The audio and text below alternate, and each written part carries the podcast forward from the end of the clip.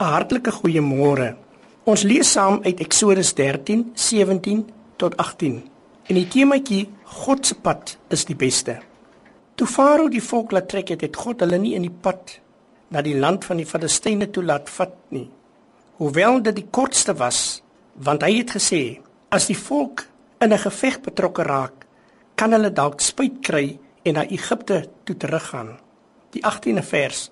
Daarom het God die volk met 'n ompad laat gaan met die woestynpad in die rigting van die Rooi See. U sien broers en susters luisteraars, die lewe is 'n reis waarin ons baie van God en onsself kan leer.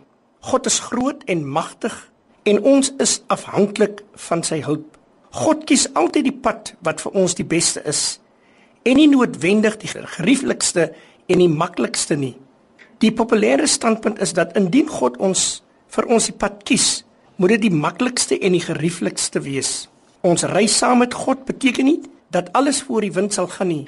Nog minder is God die waarborg van 'n probleemvrye reis. Die beste pad is nie altyd die kortste pad nie. En dit is hier waar ons se probleme begin. Ons wil altyd die kortste en maklikste hê. Ons is altyd as luisteraars op ons eie gerief ingestel.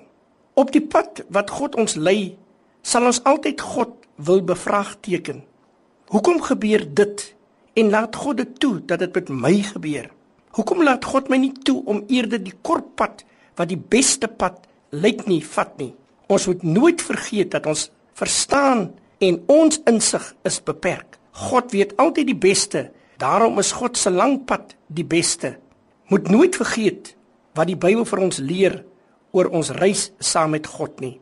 Die Bybel leer ons dat God ons altyd langs die pad sal lei. Hy sal altyd voorsien in al ons behoeftes, nie noodwendig in dit wat ons nodig het nie. Hy sal ons altyd beskerm. Hy sal ons nooit in die steek laat nie.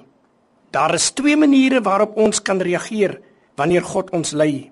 Ons kla en rebelleer daarteen en ons eie pad volg of ons kan sy leiding 100% aanvaar en hom met ons hele hart vertrou en hom in alles gehoorsaam. Selfs al gaan ons deur moeilike tye. Sommige van ons is in die moeilikheid nie omdat dit God se fout is nie, maar omdat ons nie op hom vertrou en gehoorsaam aan hom is nie, want ons wil ons eie besluite neem. Ons wil ons eie kop volg. Spreuke 16 vers 9. Die hart van die mens dink sy weg uit, maar die Here rig sy voetstappe. 'n Mens beplan sy pad, maar die Here bepaal hoe hy loop.